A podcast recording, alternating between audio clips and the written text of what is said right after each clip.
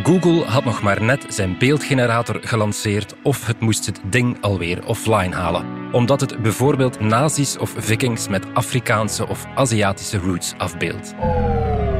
Werken de trucs van AI-bedrijven om vooroordelen en discriminatie te vermijden niet averechts? Verder hebben we het over nieuwe namen voor dino's, over hackers met quantumcomputers en over genetisch gewijzigde bananen.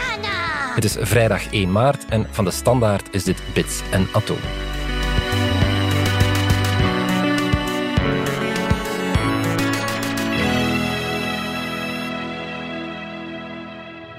Dominique Dekmijn en Pieter van Doren, welkom. Dominique, laten we met jou beginnen. We hebben het hier al een paar keer gehad over die AI-beeldgeneratoren, die dan in staat zijn om op basis van tekstbeschrijvingen bijvoorbeeld de gekste afbeeldingen te maken. Een tapdansende cowboy op de maan, ik zeg maar iets.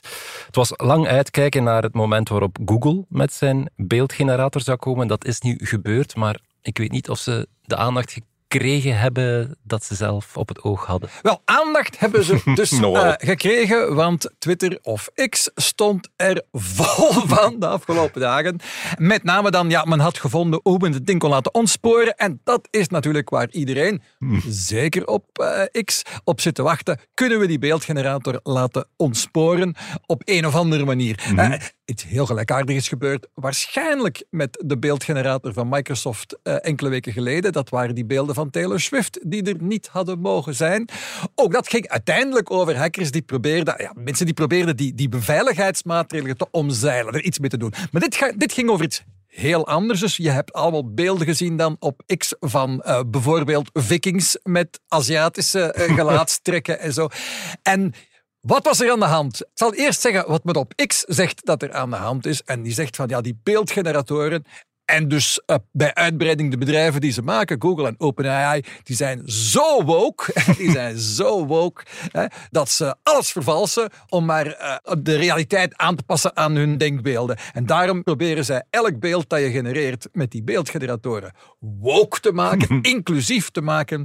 En dan krijg je dus dat als je een beeld vraagt van de founding fathers van Amerika, en dan bedoelen de Amerikanen uh, de mensen die de grondwet, -hmm. de Amerikaanse hebben geschreven. Die founding fathers. En dan zit daar, zitten daar mensen met verschillende huidskleuren tussen. Alhoewel, als het dan over die founding fathers ging bijvoorbeeld, dan was Google ook zo slim geweest, had hij daar een Amerikaanse indiaan bij gezet, een Native American, waarvan ik dan denk van, ja, dat maakt, dat maakt die rechtse mensen op Twitter gigantisch boos. Uh, maar eigenlijk is het nog niet zo. Ze waren van founding father van America te noemen. Maar dus in ieder geval, men is daar heel boos over. En men vindt een soort vervalsing. Mm. Hè, uh, uh, en dan is de vraag, wat is er natuurlijk gebeurd? En dat kon je eigenlijk niet zo goed zien bij Google, maar bij de tegenhanger, de concurrent, bij ChatGPT Plus, kun je het wel heel goed zien, want dan zie je precies wat er gebeurt. Ik heb dat al, al verschillende keren gezien. Ik, ik heb dan eens een keer een beeld gemaakt van iets dom hoor, een Romein op een fiets of zoiets. En dan vraag ik iemand in de Romeinse uniform of op een motorfiets. En dan zie je dat hij er gewoon achter haakt uh, met Aziatische trekken. Op, en een andere keer uh, met donkere huidskleur. Hey, plakt hij er dan achter. Dat doet hij zelf? Ja, doet hij zelf. Dus, en op, op, op willekeurige, onvoorspelbare manier. Gewoon om te corrigeren dat de, de basis waarop ze bestaan te, te blank is, zeggen ja. ze schuiven af ja. tussen Aziatisch. Ja, dat, is de, dat is de uitleg van Google. Dus Google zegt niet precies hoe ze het gedaan hebben, maar zegt wel dat zij werken voor de wereld. Mm. Iedereen in de wereld moet kunnen vragen uh, van uh, geef mij een beeld van een dokter. En als ze dat in China doen of in... Uh, ja, ik denk niet dat, dat, dat ze daar in China beschikbaar zijn, maar als ze dat ja. in Zuid-Korea doen of ze doen dat in Zuid-Amerika of ze doen dat in Afrika, verwachten ze eigenlijk, hè, de gebruiker daar verwacht een iets wat ander resultaat, graag, mm. dan altijd maar datzelfde witte mannelijke gezicht als je vraagt om een beeld van een generieke uh, dokter of politicus. Uh, uh, en dus ja, hoe precies corrigeren ze dat? We willen weten hoe dat ze het bij OpenAI doen. Ze plakken er Mhm. gewoon willekeurig af en toe eens een keer het woordje van met Aziatische trekken aan toe. En klaar. en je dat- krijgt een beetje van alles. En dat klopt natuurlijk niet voor historische figuren. Ja, voilà. Als het gaat. Nu, het, ja, ging het hier echt over historische figuren? Ja. En dan, z- ja, dan, dan zeggen sommige mensen: het is geschiedenisvervalsing. Goh, ja, wel, dan zeg ik van ja, dat ik een Romein op een fiets had gevraagd. dat was geschiedenisvervalsing.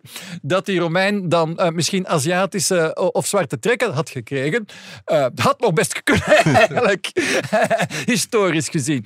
Dus Maar eh, een het, man idee in- dat, het idee dat een beeldgenerator een juist beeld van de geschiedenis moet geven, is eigenlijk totale onzin. Ja, als je, ja, nee, als je ja. een historisch juist beeld wilt hebben, dan moet je, dan moet je natuurlijk eh, naar, naar historische beelden gaan kijken. Dan moet je het niet aan een beeldgenerator vragen. Mhm. Want een waar. beeldgenerator per definitie maakt iets nieuw vanuit het niks. Dat is een verzonnen beeld. Dat is Mhm. een beeld dat je maakt met die beeldgenerator. Beste luisteraars, is niet echt. Maar mensen hebben zich daar zo over opgewonden. Eh, en dus ja, dat gaat nu allemaal wel een beetje bezinken. Maar ondertussen hebben... ja, en Google zegt nu, ja, we gaan dat proberen een beetje te verfijnen. Dat als je dan specifiek iets vraagt over de geschiedenis... Maar ja, waarom zou je niet in godsnaam een verzonnen beeld willen maken van de echte founding fathers van Amerika? Ik zie het ook niet goed, het, het gebruiksscenario. Het heeft er meer mee te maken dat men nog eens iets gevonden heeft. Ah ja, dus effectief een manier om te laten zien, haha, we kunnen die beeldgenerator eh, in de fout laten gaan. En dat wordt dan vier gedeeld op sociale media. Tof. En als dan Google eh, het probleem wat oplost, eh, des te beter. Er was zoveel heisa over, omdat mensen misschien een verkeerde verwachting hebben van wat een beeldgenerator moet doen. Het is niet de opdracht van een beeldgenerator om historisch correcte beelden te Dat leveren. denk ik alvast. Maar eh, breder dan dat is het gewoon zo dat men zich eh, vooral dan op X, eh, Twitter, eh, graag opwindt over iets. En daar heeft men eh, dit voor gevonden deze week. Maar goed, Dominique, Google heeft het dus nu wel tijdelijk offline moeten halen door al die heisa, terwijl in AI-wereld de concurrentie niet stil zit. Nee, inderdaad. Deze week zagen wij de première van eh, de eerste echte Europese chatbot, Le Chat. Le Chat. Je wil dan Le Chat zeggen, maar het is Le Chat Mistral. En het is de ChatGPT van Mistral, de Franse trots. Het bedrijf dat eigenlijk nog geen jaar bestaat, eh, maar zogezegd miljarden al waard is. Dat is bliksemsnel. uitgesproken steun krijgt van de Franse overheid. Die, ja, die willen daar. Dit, dit moet onze OpenAI, eh, zelf onze Google worden. En dus ja, het is er nu. eh, chat.mistral.ai is de URL. Ga er eens naartoe, probeer het eens uit. Je moet nog een account aanmaken en zo. Eh, maar mijn eerste indruk was, ja, dat lijkt me een heel... eh, werkbare. Hij, hij zegt officieel dat hij liever nog geen Nederlands spreekt, maar doet het perfect. Eh, sprak mij direct aan met u bijvoorbeeld, terwijl ChatGPT er altijd je van maakt. Dat kon ik toch direct van die Fransen wel eh, wa- waarderen. Eh, Een beetje beleefd dan. En eh, overigens, mijn indruk is dat hij nog woker is dan Google Gemini. Eh, want hij wil bijvoorbeeld over personen helemaal niks zeggen, voor het geval dat het wel eens verkeerd zou kunnen zijn. Dat is niet dom natuurlijk. Bang om iemand te kwetsen. Eh, heel bang om iemand te kwetsen. Dus denk ik, ja, voilà, maar we hebben nu onze Europese chatbot echt op niveau. Er waren al een paar probeersels. Eh, en het zag er ook heel behoorlijk uit. En eh, ja, dat, eh, daar kunnen we toch alleen maar blij over zijn.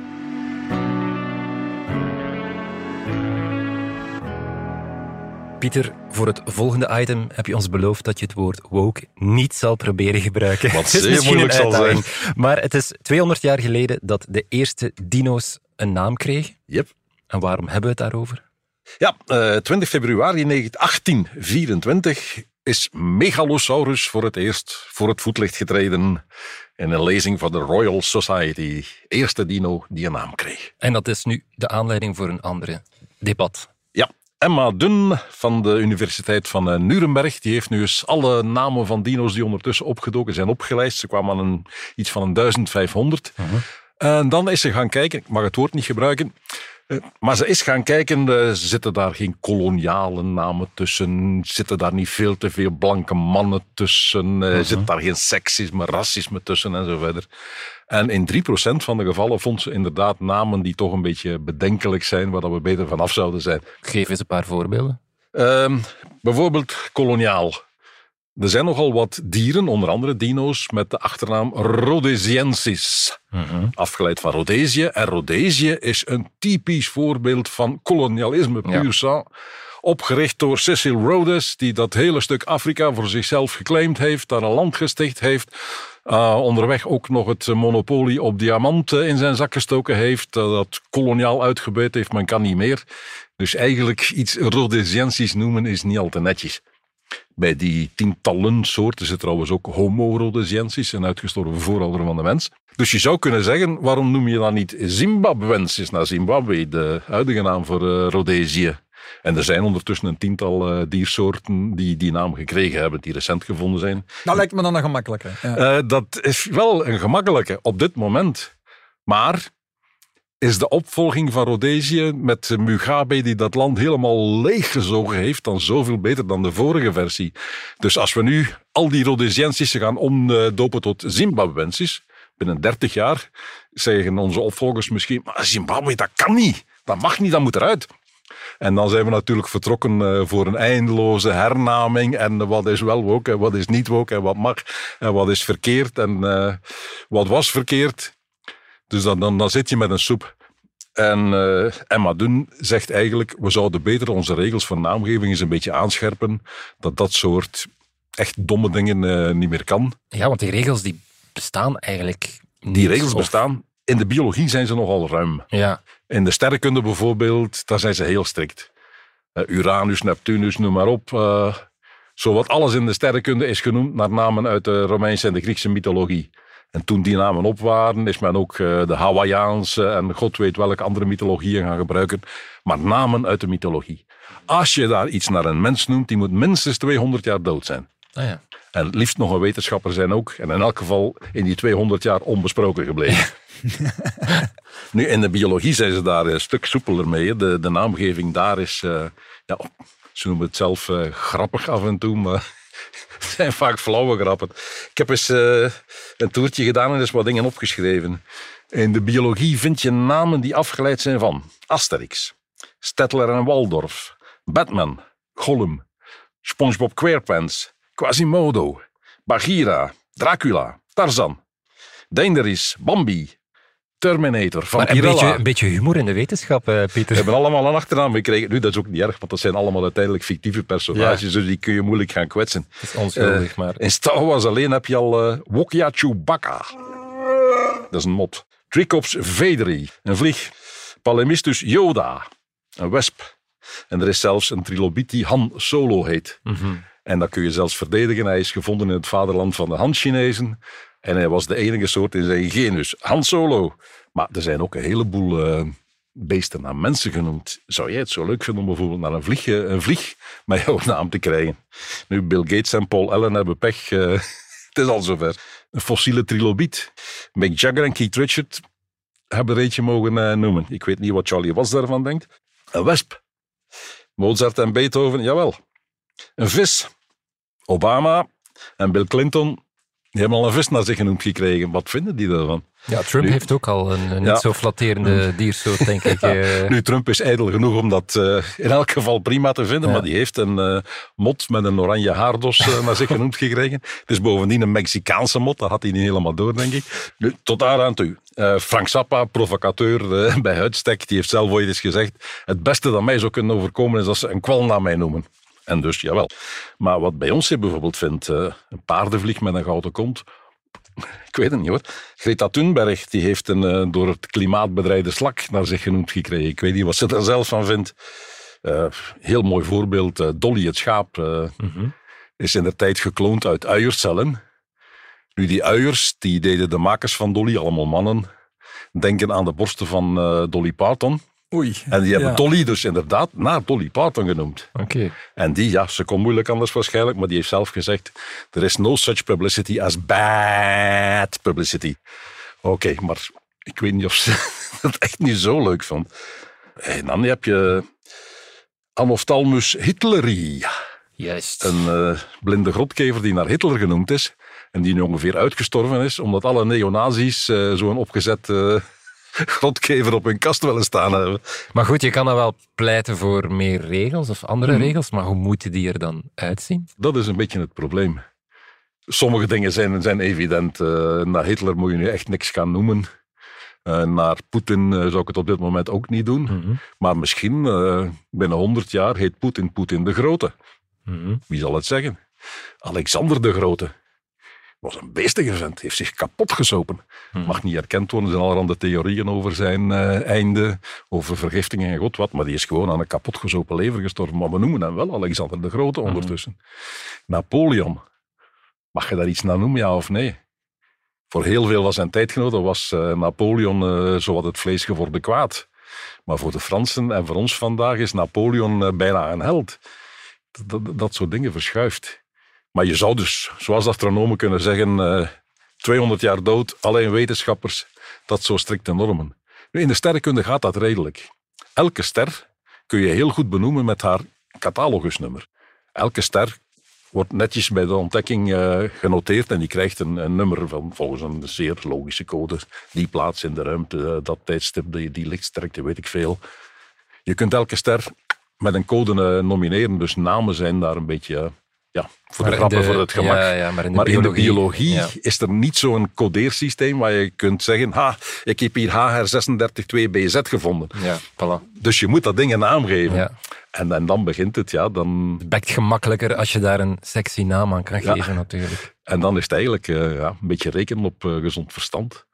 Het is een discussie die in de biologie al eigenlijk heel lang leeft, maar leeft ze, komen lang, er, uh, ze, komen er, uit. ze komen er niet uit. En ik denk niet dat het snel zal veranderen, omdat het zo delicaat is. En je kunt geen exacte regels geven, alleen mensen gebruiken je verstand. Mogen ze een diersoort naar jou vernoemen? Uh, ik zou toch eerst graag willen zien welke. Die kwal lijkt me niet zo'n goed idee.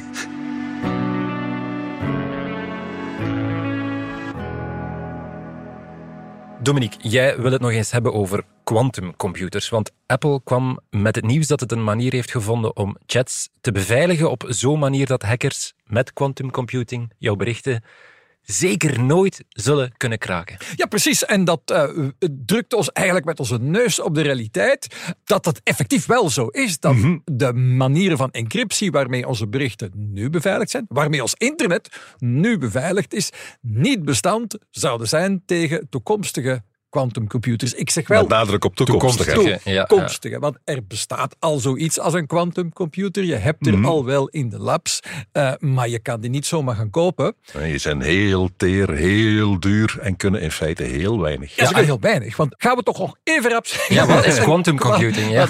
Een quantumcomputer werkt dus niet met bits, maar wel met elementaire deeltjes die ook nog eens een keer met elkaar verbonden zijn door kwantumverstrengeling.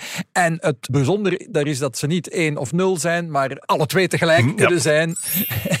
Dus je kunt daar parallel twee berekeningen tegelijk doorjagen. En op een of andere manier, precies begrijpen wij dat allemaal ook niet, want het is tenslotte kwantum. Het is kwantum, hè. Ja, maar eh, sommige, sommige berekeningen kunnen die dingen dus enorm snel doen. En een tweetal jaar geleden kondigde Google ooit al eens vier aan dat ze Quantum Supremacy, het klinkt als een filmtitel, eh, hadden bereikt. Namelijk dat ze erin waren geslaagd van een bepaald probleem sneller op te lossen met quantum dan het kon met traditionele computers.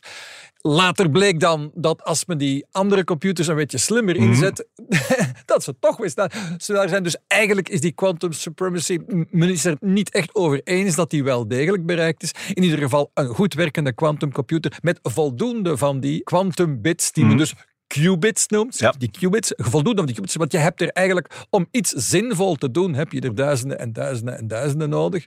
En, eh, Ze zitten nu op niveau van tientallen of zoiets, denk ja, ik. eh, wel, het is heel, heel ingewikkeld om te volgen wat men daar doet, omdat er een verschil is tussen de logische en de fysieke qubits. Hè, want één, eh, ja, je hebt wel systemen met enkele duizenden qubits, maar dan- je hebt eigenlijk zo enkele honderden of soms enkele duizenden qubits nodig om, eh, om één logische qubit te hebben. Het is allemaal heel kwantum en dus heel waarschijnlijkheid eh, ge- gebaseerd. En dus je hebt heel veel foutcorrectie nodig. En dus eigenlijk om één logische qubit te hebben, heb je er soms honderden of duizenden eh, fysieke nodig. En die heb je gewoon niet.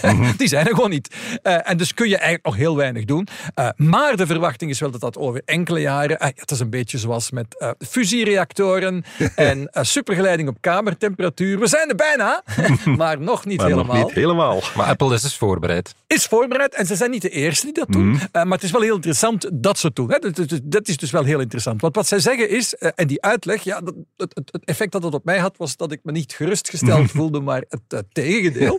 Want ze zeggen eigenlijk van, ja, het is heel goedkoop om digitaal verkeer op te slaan. Mhm. Als iemand jouw verkeer, jouw berichtenverkeer, dat versleuteld is met traditionele technieken, nu capteert en opslaat, en dat bewaart, dan kan hij dat, wanneer die quantumcomputer er is, een hacker met een quantumcomputer kan dat over, ja, zodra die er bestaat, binnen vijf jaar, binnen tien jaar, vijftien jaar, kan die dat allemaal lezen En tegen jou gebruiken. en tegen jou gebruiken. En dat zegt Apple, ja, vanaf nu zal dat alvast niet meer kunnen als je dus in de volgende versies van iMessage, op de nieuwste versies van iOS, als je via iMessage je berichten stuurt, zal die versleuteld zijn met een techniek die PQ3 heet. En die zal ervoor zorgen, die PQ3 zal ervoor zorgen dat je het niet kunt kraken met traditionele computers, maar ook niet met toekomstige quantumcomputers. Misschien moeten we even vertellen wat, wat kraken eigenlijk is. Bij de versleuteling komt het erop neer dat je een eh, bewerking uitvoert die in de ene richting gemakkelijk is, twee getallen met elkaar vermenigvuldigen bijvoorbeeld, maar die in de andere richting veel meer uh, rekenwerk vraagt. Een enorm getal delen is een stuk lastiger. je moet het maar eens met de hand proberen dan twee getallen vermenigvuldigen. Dus je vermenigvuldigt om te coderen. Om te decoderen heb je heel veel rekenkracht nodig. Quantum kan een aantal uh, dingen die nu heel veel rekenkracht vergen, kan die plots wel snel doen. Maar er zijn ook weer dingen die ook met een quantumcomputer heel veel uh, werk vragen. Dus je moet zo coderen dat ook een quantumcomputer heel veel werk blijft hebben om ze te decoderen. En ja. ja Precies, en dat blijkt dus te kunnen. En Apple heeft dat gedaan. Signal had dat eigenlijk al uh, gedaan, maar andere chatsystemen hebben dat nu nog niet. Uh, voilà, maar dus dan voel je je een beetje veiliger of net niet.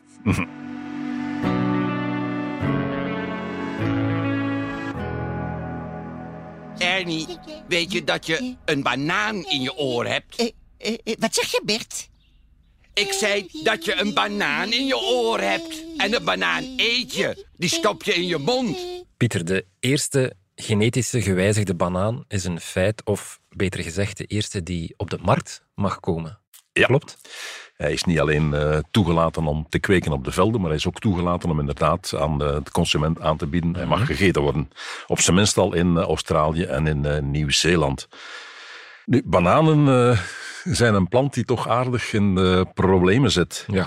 De banaan zelf kun je zo ongeveer als uh, symbool zien, maar zelf hebben ze al in duizenden jaren geen seks meer gehad. Bananen zijn uh, planten die zich ongeslachtelijk voorplanten. Ergens uh, aan het einde van de, de vorige ijstijd, de 10, 12.000 jaar geleden zoiets, zijn mensen begonnen met bananen te kweken. En dat was eigenlijk een mutant, een variant van een andere plant. Eentje die zich niet meer geslachtelijk kon voorplanten. Hij produceert geen zaad. Dus de enige manier waarop je bananen kunt voorplanten is stekken. Een stekje pakken in de grond steken, worteltjes laten aankomen en mhm. verder kweken. En het ding is dan identiek aan de plant waar je het vanaf geknipt hebt. Ja. Dus je zit daar altijd, als je bananen kweekt, met één type plant in heel je plantage. Ja. Als er Wat je één plantje ziek maakt, dan zijn ze allemaal ziek. En dat is het uh, grote probleem met, uh, met bananenkweken, en dat weten we al heel lang. Ja, de banaan is bedreigd. Hè? De banaan is duidelijk bedreigd en dat is al, al jaren zo. Mm -hmm. Eigenlijk wow, decennia. In de jaren 50, uh, eh, zowat elke banaan die toen gegeten werd, was van het type Gros Michel. Dat was de lekkerste, de zoetste van de varianten die er te vinden waren. En toen kwam er een schimmel, Fusarium, die veroorzaakte wat men dan de Panama-ziekte gaan noemen is. Daar hebben ze hem voor het eerst ontdekt. En binnen de kortste keren was dus de hele wereld uh, van uh, Gros Michel was bedreigd, ging, ging kapot. En men is moeten stoppen met, met die plant te kweken. Die, die is gewoon niet meer te krijgen. Men is dan overgestapt op de banaan die we nu nog altijd gebruiken, de Cavendish. Maar die Cavendish wordt op zijn beurt ook alweer bedreigd. Er is de Black Sigatoka schimmelziekte die zit al heel lang in die plantages. Je kunt dat een beetje tegenhouden door planten die besmet zijn meteen uit te rukken en in brand te steken. Mhm. En door heel veel te sproeien tegen die schimmel, tot, ja, tot 60 keer per jaar. Dus meer dan om de week moet je sproeien om die bananen in leven te houden. Uh, nu is er ondertussen een nieuwe variant van de Panama-ziekte bijgekomen. Dat is variant, de vierde variant al, TR4 heet die. Die opnieuw alles bedreigt. En het is tegen die variant dat men nu dus een genetisch gewijzigde banaan uh, gemaakt heeft. Men heeft een gen uit een andere bananenras kunnen inbrengen in de Cavendish. En die is dus nu bestand tegen die schimmel. Oké. Maar het voordeel is dat je dan met Cavendish kunt blijven werken. Dat is de lekkerste, de mooiste, de, de geelste, weet ik veel wat allemaal. Uh, commercieel zeker de meest interessante bananenplant. Niemand is van plan om de Cavendish op te geven voor god weet wat. Nee, nee. Maar het mag op de markt komen. Het alleen, mag op de markt alleen komen. moet de consument nog overtuigd worden. Ja, je moet de consument overtuigen. En op dit moment zeggen de producenten, weet je wat, we gaan het nog niet op de markt brengen. Beste klanten, we hebben iets in het schap liggen. Als het straks echt heet wordt, dan kunnen we met iets komen. Maar voorlopig gaan we jou nog de, de huidige Cavendish geven. En we zullen wel blijven spuiten en sproeien en zo. En dan houden we dan stil. Eh, dan heeft niemand er last van. En, uh, dus voorlopig duwt men nog de gewone Cavendish naar voren. Maar als het ooit serieus fout en als het echt niet meer te handhaven is, dan hebben we een variant. Het komt ooit zover, denk je? Ik denk het wel, ja. Er is recent weer een, uh, ook nog eens een bacterieziekte opgedoken, Xanthomonas. Nu, daar, zijn ze ook een genetische variant tegen aan het testen, maar daar moeten ze geen uit paprika halen. En dat is al een stuk, voor de consumenten al een stuk delicater dan als degene uit een andere banaan komen. Dus ja, het, uh, je zit echt op de rand. Er moet niet veel gebeuren of we zijn ook onze is kwijt.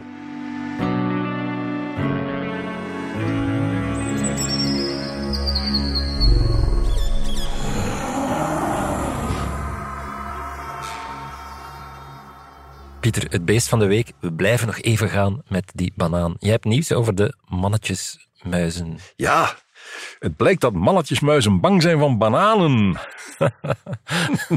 Nu, men weet al een tijd als uh, vrouwtjesmuizen uh, een nestjongen hebben, dan zijn die heel agressief en verdedigen die hun nest heel sterk. Mhm. Ook tegen mannetjes uit de buurt.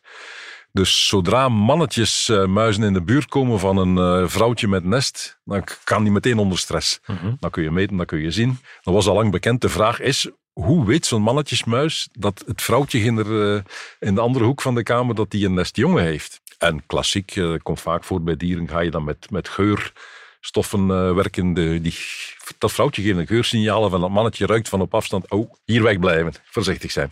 Sarah Rosen van de McGill University, die heeft eens uh, nagegaan in, in, urine van zo vrouwtjes met uh, jongen. Welke geurstoffen zitten er allemaal in? Ze heeft mm de 25 belangrijkste uitgehaald en die stuk per stuk getest op mannetjesmuizen om te kijken op welke van die geurstoffen reageren mannetjesmuizen nu uh, met schrik en met stress. En er was er één die eruit sprong en dat was pentylacetaat. En alle chemici zeggen nu in koor, ah, dat is bananengeur! En inderdaad, als je in, in de winkel gaat, uh, waar je allerhande geuren kunt kopen. Uh, amandelgeur, rozenblaadjesgeur, uh, al, al dat soort dingen, vanillegeur.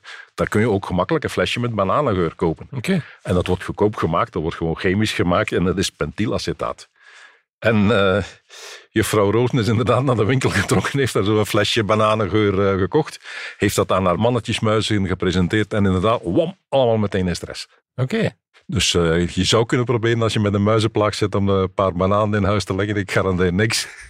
Maar in elk geval, het helpt uh, mannetjes onder stress zetten. En wat brengt mij dat dan op als mijn muizen stress hebben? Uh, ik vrees niet zoveel.